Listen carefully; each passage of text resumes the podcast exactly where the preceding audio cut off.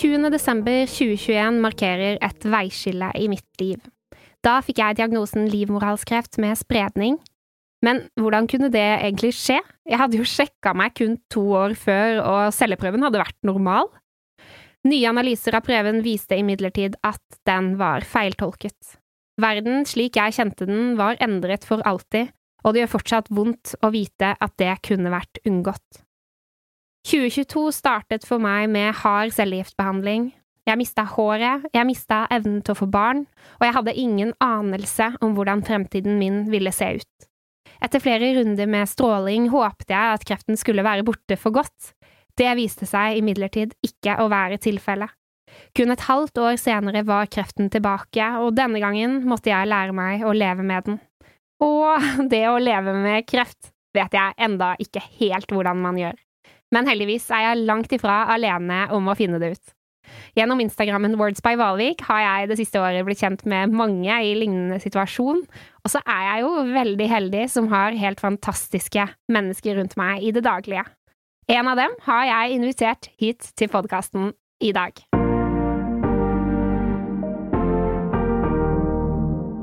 Da er vi i gang med første episode uh, av Driv, og i denne episoden her så er jeg så heldig å ha med meg en litt spesiell gjest. Uh, vi skal jo snakke med, eller jeg skal få snakke med veldig mange inspirerende gjester gjennom denne podkasten, men nå innledningsvis så har jeg jo lyst til å fortelle og dele litt om min historie. Og Eh, da tenkte jeg rett og slett at hvem er vel bedre til å være med som samtalepartner da, enn en som kjenner meg godt fra før? Så i dag har jeg rett og slett fått besøk av min far. Velkommen!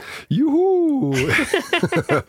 Takk skal du ha, Maren. Det var koselig å bli invitert. Ja, ja litt sånn veldig. pappa er med på første skoledag-opplegg her. ja, jeg føler nesten vi er litt, litt tilbake i tid nå. Ja, ja. ja du har jo jobba i eh, radio før òg, så det er jo Jobba i radio før, og så har jeg jo fulgt deg på skolen før òg, så nå så det blir bra, dette her. Veldig god kombinasjon ja, ja. Der. Um, vi skal jo snakke om litt alvorlige ting her uh, i dag. Det er jo en alvorlig historie, selv om vi på mange måter i familien klarer å holde det løssluppent og så normalt som vi må. Mm. Men det er jo nå et år siden jeg fikk kreftdiagnosen, mm. pappa. Mm. Hvordan har det året vært for deg? Hvordan har du opplevd? Å, oh, gud For et spørsmål å stille en pappa. Uff a ja. meg. Trodde bare vi skulle snakke om uh, hyggelige ting, Marin. Nei, altså, nå er det jo Det er jo faktisk uh, ganske nøyaktig et år siden. Mm. Vi fikk, eller du fikk beskjeden, og så viderebrakte du den til oss i andre i familien, om at du hadde fått kreft. Og omtrent på denne tida uh, så fikk vi også vite at det var ganske alvorlig, ja. At det var ikke noe sånn quick fix, mm. ikke sant. Uh, og det, jeg må si, en podkast, da skal man jo være ærlig, har jeg skjønt. Ikke mm. sant? Og mm. selv om du sitter der du sitter nå, og er min datter, så er du også litt programleder nå, så jeg må få lov å være mm. litt ærlig, hvis jeg kan få lov til det. Absolutt. Ja. Nei, jeg syns første måneden særlig, særlig januar og februar i fjor, som det jo blir, da, mm. var kjempetøft. Uh, fordi, og det var jo først og fremst fordi en ikke visste på en måte hva dette var, annet enn at det var forferdelig alvorlig, ikke sant? Mm. Så jeg brukte veldig mye tid og krefter og tankevirksomhet på å på en måte holde meg flytende, for jeg visste at det var så viktig for deg at jeg og vi rundt holdt oss flytende, ikke sant? Mm. Det var da vi innførte det begrepet flottører. Mm. eh, altså sånne som ligger på flytebryggene rundt om på Sørlandet og Østlandet og, Nord-Norge og overalt, ikke sant? hvor, hvor eh, båtene legger til mellom to flottører for å holde båten på plass. Mm.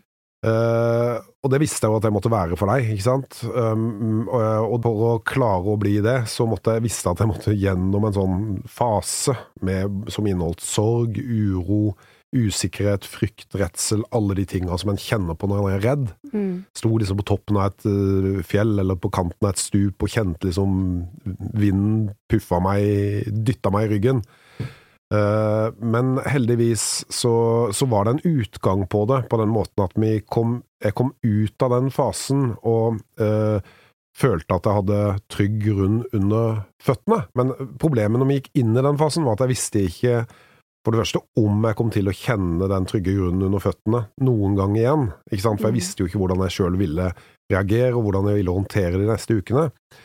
Eh, men når jeg da først kjente at jeg hadde fast grunn under føttene og greide å stå selv om det blåste kraftig, eh, og jeg klarte å fungere som din flottør, når jeg mm. skjønte det, så pusta jeg litt ut. Da jeg, ble jeg litt letta. Og derfor så husker du sikkert òg når vi For det var jo mange faser med deg òg gjennom den våren. Eh, så når en da var på sykehuset igjen de neste gangene, så var det litt, enkle, litt lettere for meg, på en måte. For da visste jeg litt, kjente jeg litt på mine egne følelser, visste litt hvordan jeg eh, kom til å reagere, og jeg følte jeg hadde vært gjennom litt det verste. Mm. Men jeg, jeg, det var to forferdelige måneder, januar og februar, for mm. meg. Jeg kan si det nå, siden vi er gjennom mm. den fasen, ikke sant? Ja. ja. Men jeg torde ikke å si det til du da. Nei. Nei. Det var ikke sånn at jeg ringte du på kvelden og sa at 'nå, Maren har jeg det helt forferdelig'. Ja. Nei. Det, for det skjønte jeg at det kunne jeg ikke gjøre. Nei. Og det var jo noe av det som var litt sånn tungt òg, da. Ikke sant? Mm. At jeg, jeg, jeg, kunne ikke på en måte si til du hvor tøft jeg hadde det, for mm. da var jeg redd for at det skulle rakne for deg òg, ikke mm. sant? Ja. Men jeg, jeg, skjønte jo veldig tidlig, for å ta det litt tilbake til de desemberdagene da, hvor mm. alt var uvisst, så skjønte jeg jo at dette var eh, jeg tror jeg så det mer på dere rundt, egentlig, hvor alvorlig dette her var. Det hadde ikke gått helt opp for meg at jeg hadde fått den diagnosen. Mm. Eh, du samla jo familien ganske tidlig. Allerede i romjula var du veldig opptatt av at vi skulle samles. Og mm. jeg var nok på det tidspunktet litt mer sånn ja, ja, men altså, nå skal jeg jo på cellegift, og jeg skal jo på mm. strå strålebehandling etter hvert, kanskje, og, og, og det går nå som det går, liksom. Mm. Men når du samla familien til allmøte og viste så tydelig at det her er alvorlig, og vi må alle være hverandres flottører. Det er ikke bare sånn at dere skal være der for meg, men det er like viktig at vi alle er der for hverandre. Så mm. tror jeg, selv om ikke du sa det til meg spesifikt at uh, ting var vanskelig de månedene, så skjønte jeg at dette her du, du også trenger mm. eh, folk rundt deg, da. Ja, og det kunne jo ikke være deg. For, for, du har jo på en måte fortsatt òg mer enn nok med deg sjøl. Mm. Så jeg kan på en måte ikke forvente, og, og ikke skal det heller, finne noe støtte hos du. Mm. Så, og, og, da er jo jeg heldig som har ei kone jeg kan snakke med, ikke sant? Mm. og som har gode venner jeg kan snakke med, og, og andre jeg kan snakke med. Mm. Som på en måte hjelper meg da, til å mm. holde meg oppe. Ikke ja. sant? Sånn at det, det, er jo sånn det må fungere, tror jeg. da. Ja. Og er det verste, vet du, det kan jeg jo selvfølgelig si nå når en sitter her med fasiten i handa, men det var jo det at jeg forsto nok inni meg at uh, dette var ikke noe vi kom til å bli fort ferdig med. Mm. Uh, ikke sant? Det, det, var bare en det, Den fornemmelsen fikk jeg mm. egentlig med en gang. Mm. Uh, allerede når du ringte fra sykehuset i desember. Mm. Så, og det var noen ulumskheter, sa du. Da var det jo veldig utydelig, ikke sant? for da, da, visste jo ikke du heller noe som helst. Men allerede da fikk jeg en sånn Nei, pokker. Mm. Pokker.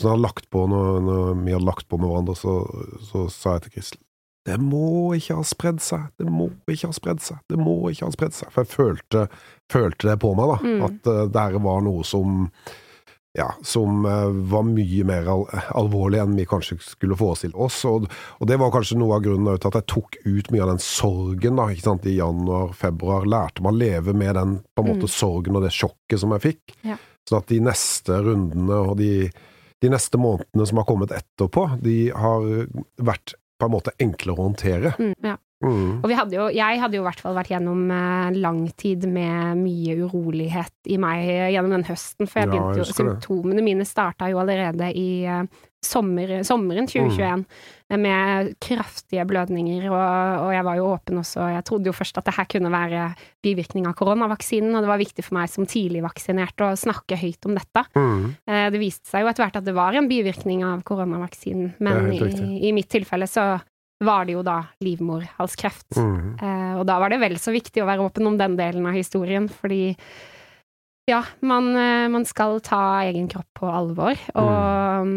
og også så har jeg jo to lillesøstre som nok gjør det ekstra, ekstra viktig for meg å, å, snakke høyt om disse tingene her. Det er en mm. generasjon under meg som, eh, som skal gjennom uh, celleprøver og HPV-virus og russetid og sikkert uh, mye forskjellig, og det, det, er så viktig å ta symptomer på alvor. Ja, kjempeviktig, mm. og veldig bra at det er noen som du, som tør å snakke høyt om det. For det, det, ikke, det ligger jo ikke for alle heller, ikke sant. Og eh, når de blir ramma om det er ja, sykdom eller andre ting, og for, fortelle det. Spesielt ikke i offentligheten. Mm. Der går det jo en grense for veldig mange. Men det er jo også veldig mange som har en grense allerede ved nær familie. Mm. Det er noen som ikke forteller om den type ting til sine aller nærmeste engang. Og der har jo mennesket ulike grenser, ikke sant. Og da er vi jo så heldige, vil jeg si, mm. som har uh, Maren, som tør å snakke høyt om det. For det, det, er klart, det du gjør, og det at du snakker høyt om det, uh, fører jo i beste fall til at uh, flere blir oppmerksom på sin egen helse. Mm. Uavhengig om det måtte være kreft eller andre ting. Mm, ja. Nei, og så har det jo gjort det lettere for meg òg. Eh, nå skjønner jeg veldig godt at ikke dette er for alle. Jeg er jo veldig åpen av natur, og det er veldig intime og personlige ting man, man snakker om, selvfølgelig. Men, men, i vår situasjon så har det nok gjort det lettere for uh, både vennene mine og kollegaene mine og, og dere i familien å kunne fortsette å leve som normalt mm. og snakke om det. At ja. det liksom Altså, ok, så har man eh, influensa, da, eller man mm. ligger inne med en brukken tå, så skal man også kunne snakke om det, selv om mm. det bare er småting i forhold til kreft. Så jeg er helt enig. Det blir mye lettere for omgivelsene, ja. for det merker jeg jo som pårørende til denne situasjonen, mm. at folk har mye enklere for å komme bort til meg og spørre hvordan det går med Maren mm. enn de ville gjort hvis det var usikkerhet rundt om i det hele tatt var åpne om det. Mm. Så for vår familie, og for deg og for meg og for alle og oss som står der nær, da, så har det vært en gave, akkurat det. da. Og så tror jeg du òg får mye energi av det. Du får energi av å sitte her, du får energi av å koble inn hodet ditt på noe annet, skape noe positivt ut av denne situasjonen. Uh, som andre går glipp av ved å ikke være så åpne, da. Så, mm. så jeg tror du òg personlig har mye igjen for det. Ja, det tror jeg. Mm. Jeg hadde jo mange andre planer for livet mitt, selvfølgelig, enn en akkurat, akkurat, det her. Men uh, når alt kom til stykket, så, så, har jeg alltid hatt lyst til å gjøre noe litt annet. Mm. Og det å kunne se på kreftsykdommen da, og, og dette litt andre som har dukket opp, uh, mm. som en mulighet Um, det har nok vært en styrke.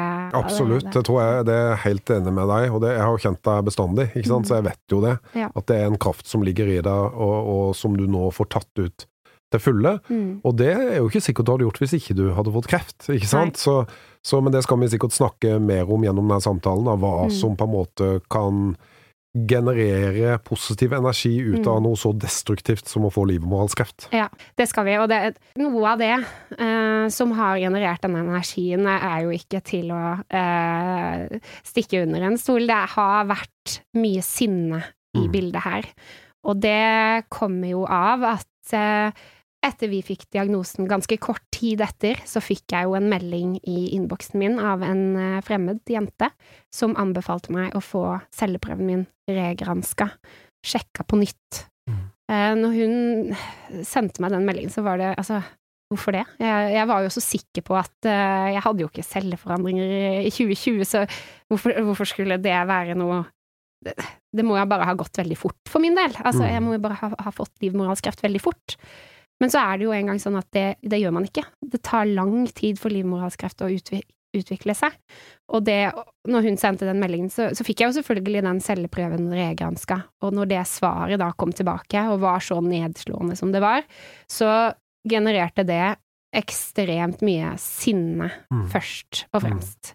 Og så har jeg nok brukt det sinnet på mange måter til noe positivt også, fordi det har gitt meg energi, det har gitt meg lysten til å endre på ting. At jeg har lyst til å gjøre en forskjell, mm. rett og slett. Og det er veldig fint, for jeg må jo si jeg òg ble rasende når jeg hørte om den regranskinga, ikke sant, og at dette kunne vært oppdaga hvis alle bare hadde gjort på en måte jobben sin, og disse hva skal jeg si, undersøkelsene som gjøres hadde vært gode nok, mm. for å gjøre det litt enkelt.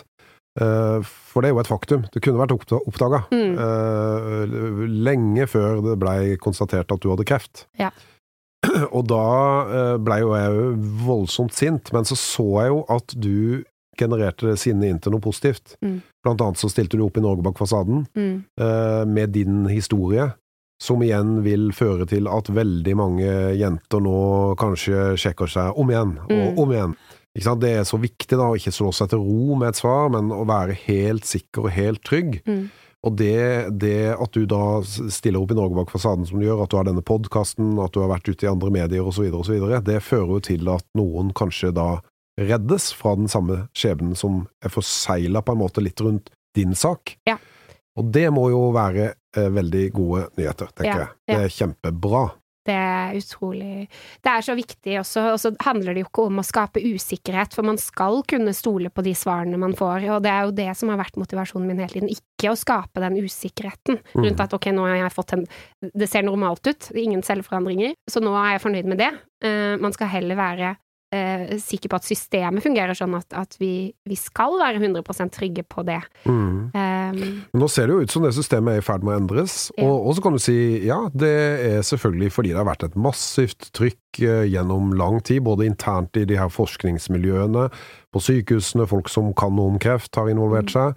Eh, På hver sine fløyer har jeg skjønt. Det har vært litt noe uenighet om hvilke systemer som skal rulles ut. mm, Så har det vært skrevet litt om de avisene, men så kommer på en måte også din stemme inn i dette gjennom Norge bak fasaden og den redaksjonelle jobben som er gjort mot, mot myndighetene, på en måte, da, for å få fortgang i ting. Ja. Så jeg tror liksom mange bekker små her har ført til at det nå kanskje allerede i år blir en endring. mm, Og det er jo fantastisk, ikke sant? Og det, det tenker jeg, det skal alle som har vært med i den kampen, mm. ta og gjøre litt til sitt, Ja. tror jeg. Ja. uh, deg sjøl inkludert. Ja, og det er jo mange som har snakka høyt om dette her før meg, og, og det er jo der jeg har fått mye av min motivasjon også til å, å snakke høyt om det. Det er jo yngre jenter det i stor grad gjelder. Det er jo de som blir smitta av HPV i størst grad, og det er Mm. der celleforandringene er vanligst, Mm. ikke sant. Så, så det, det har vært veldig motiverende for meg å se at andre har snakka høyt om dette tidligere.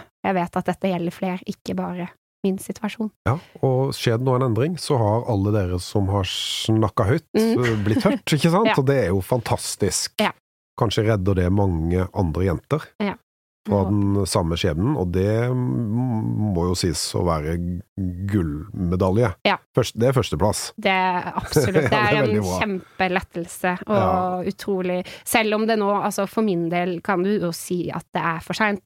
Kreften har allerede tatt fra meg evnen til å få barn, eksempel. Eh, man har litt mer usikre prognoser for fremtiden, og, og jobb vil jo aldri se det samme ut, for min del. Eh, men for så mange andre der ute så er det absolutt ikke for sent, og det, det er så mange tilfeller som kan unngås, og det er, det er veldig, veldig, veldig viktig. Veldig viktig. Så handler det jo om å gå opp de her eh, tidsrammene da, i Mm. systemet nå, og det er jo min nye motivasjon, kan du si.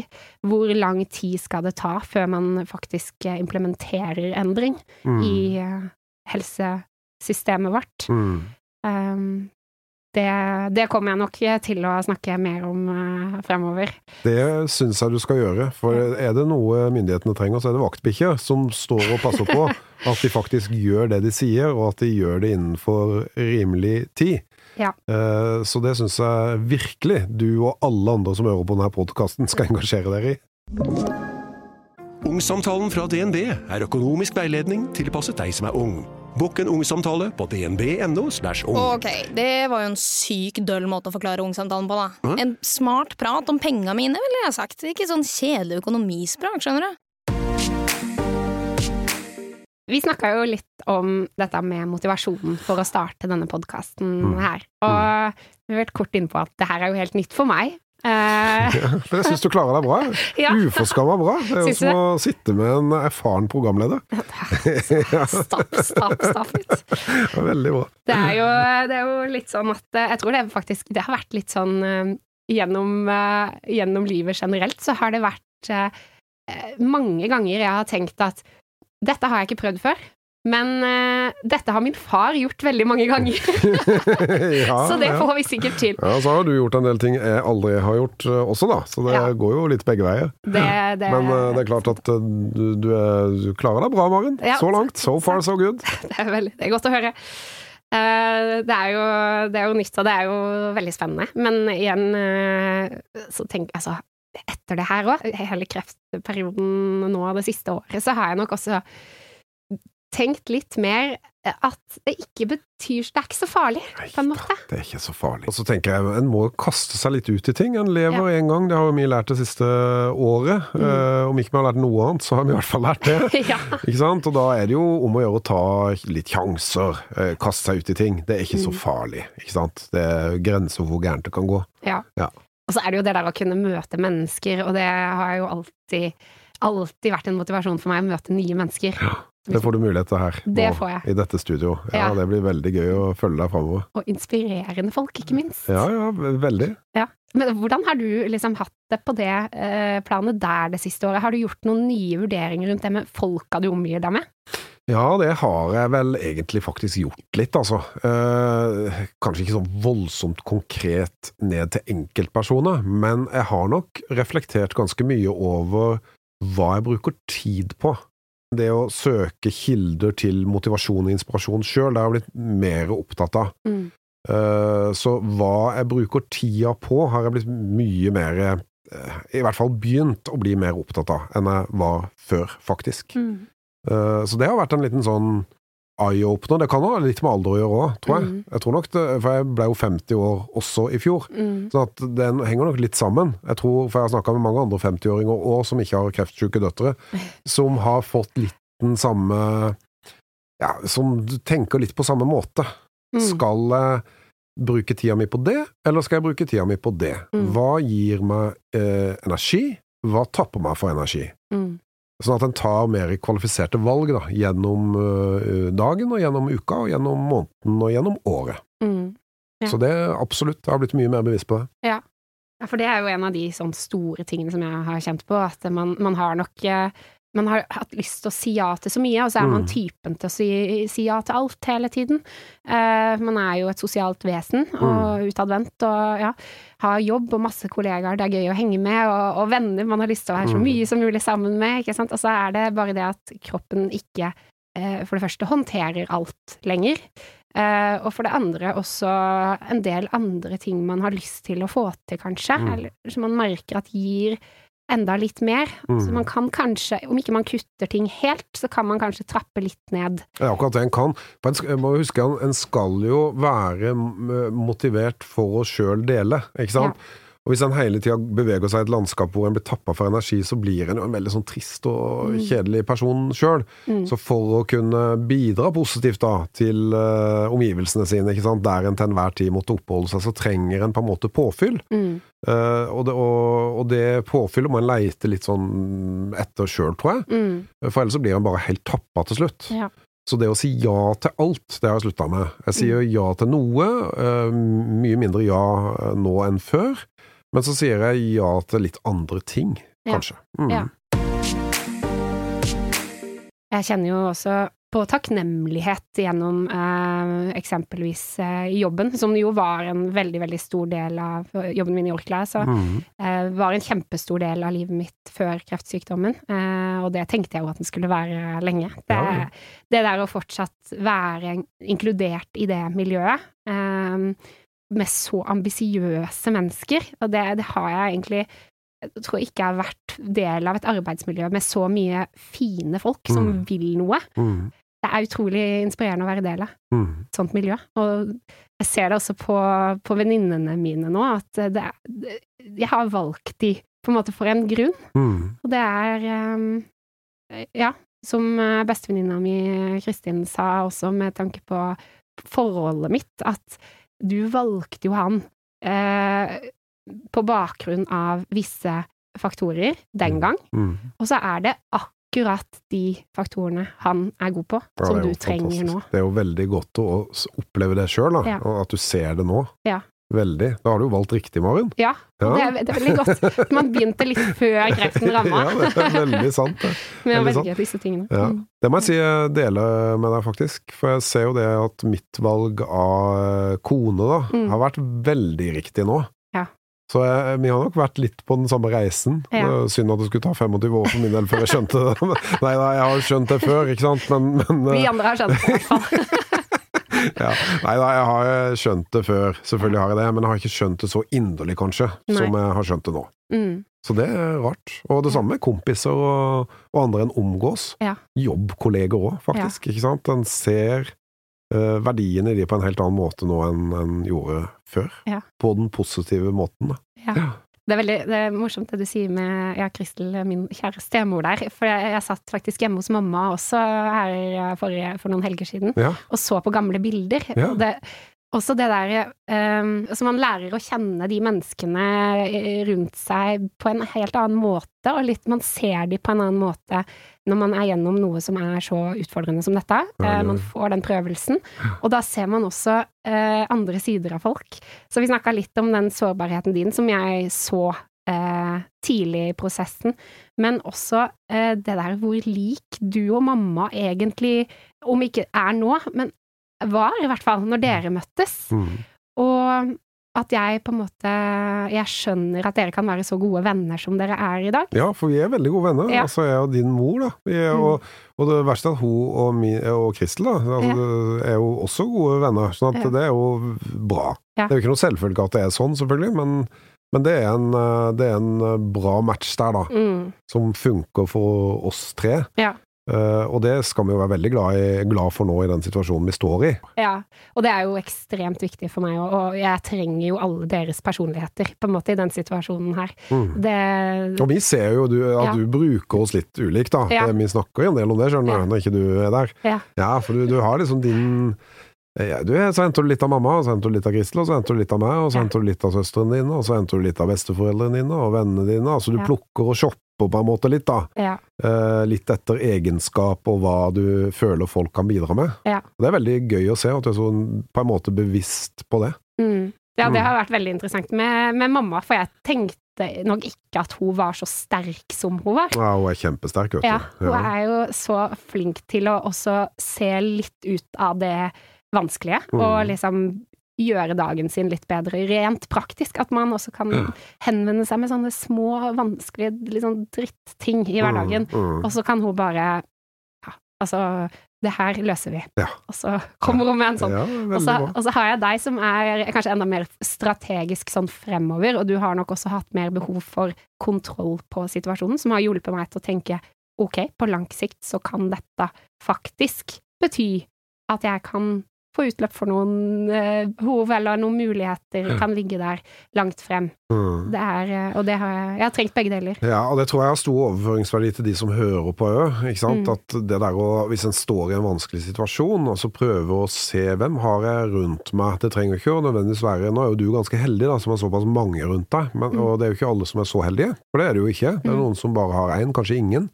Men å se rundt seg, så ok, hvem har jeg? Mm. Og så prøve å hente ut eh, det du føler den personen, eller den gruppa mennesker, eller hvem du måtte være, kan støtte deg med. Mm. Det tror jeg er veldig lurt å ha, et bevisst, ha en bevisst holdning til. Da. Mm.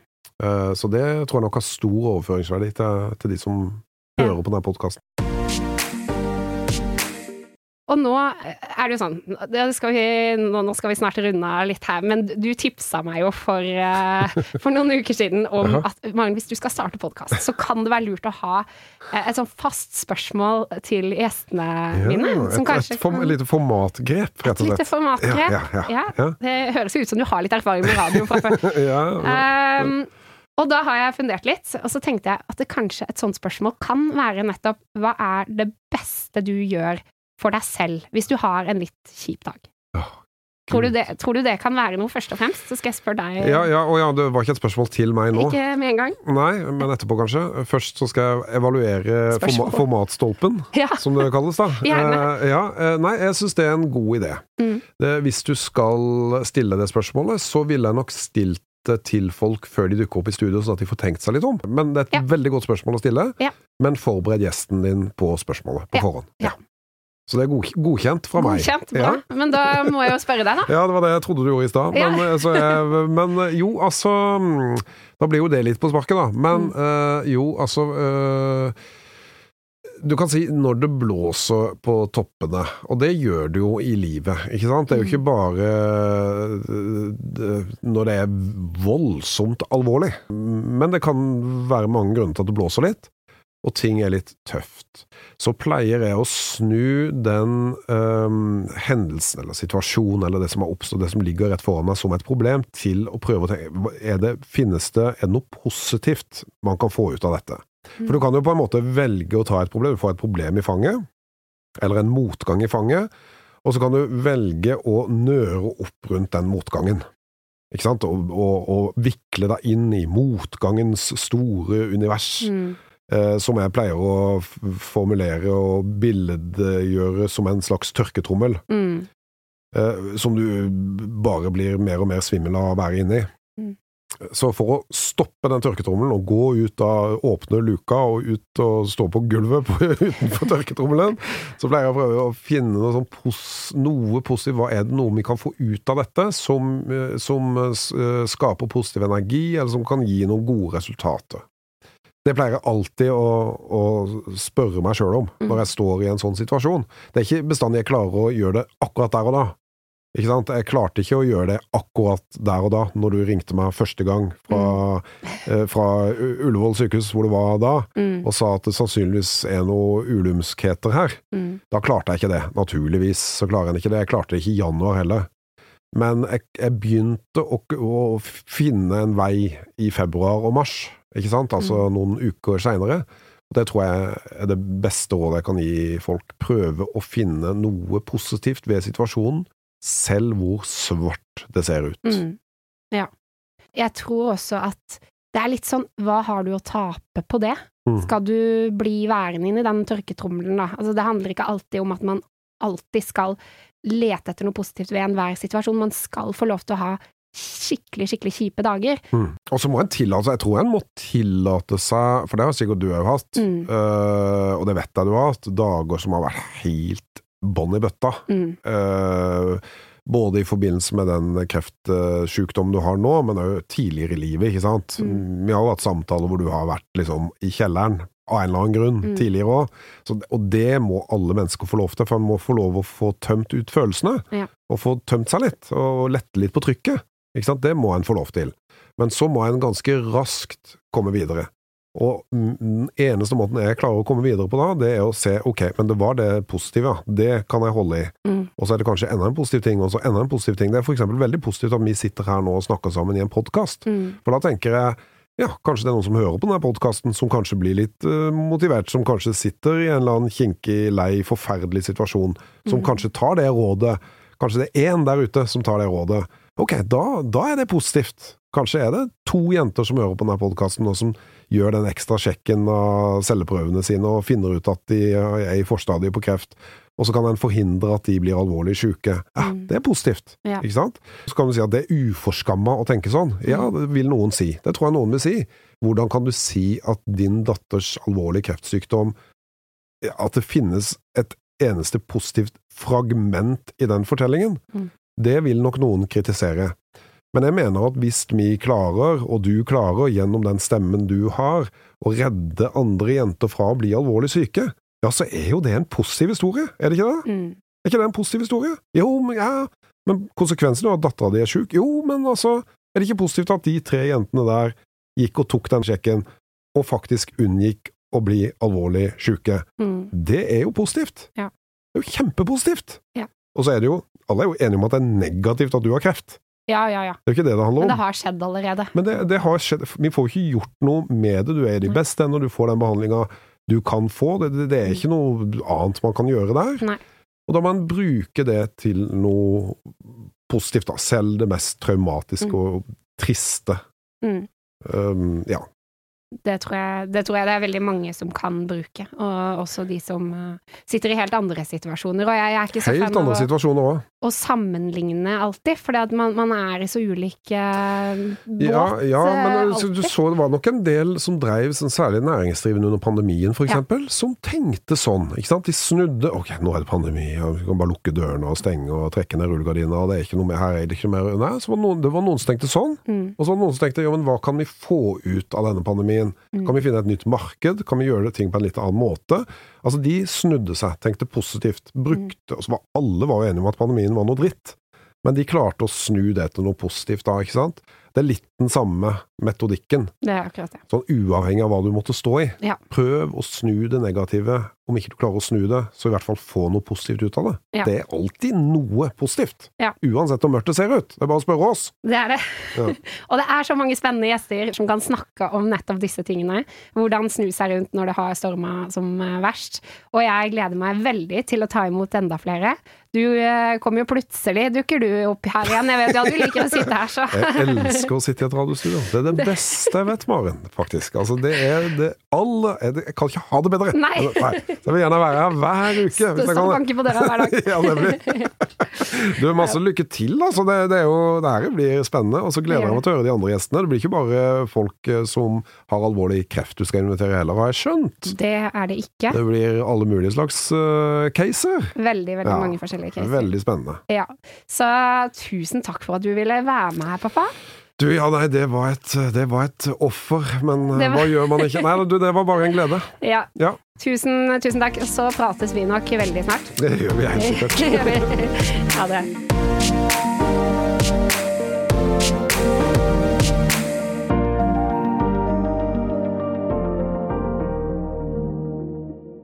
Hvis du likte dagens episode, trykk gjerne abonner på denne podkasten for å bli varslet om nye episoder som slippes. Eh, har du innspill, ris, ros eller andre ting, eh, så tar jeg også imot det i sosiale medier. Følg meg gjerne der. Eh, på Instagram heter jeg Maren WJ og Words by Valvik. Vi snakkes!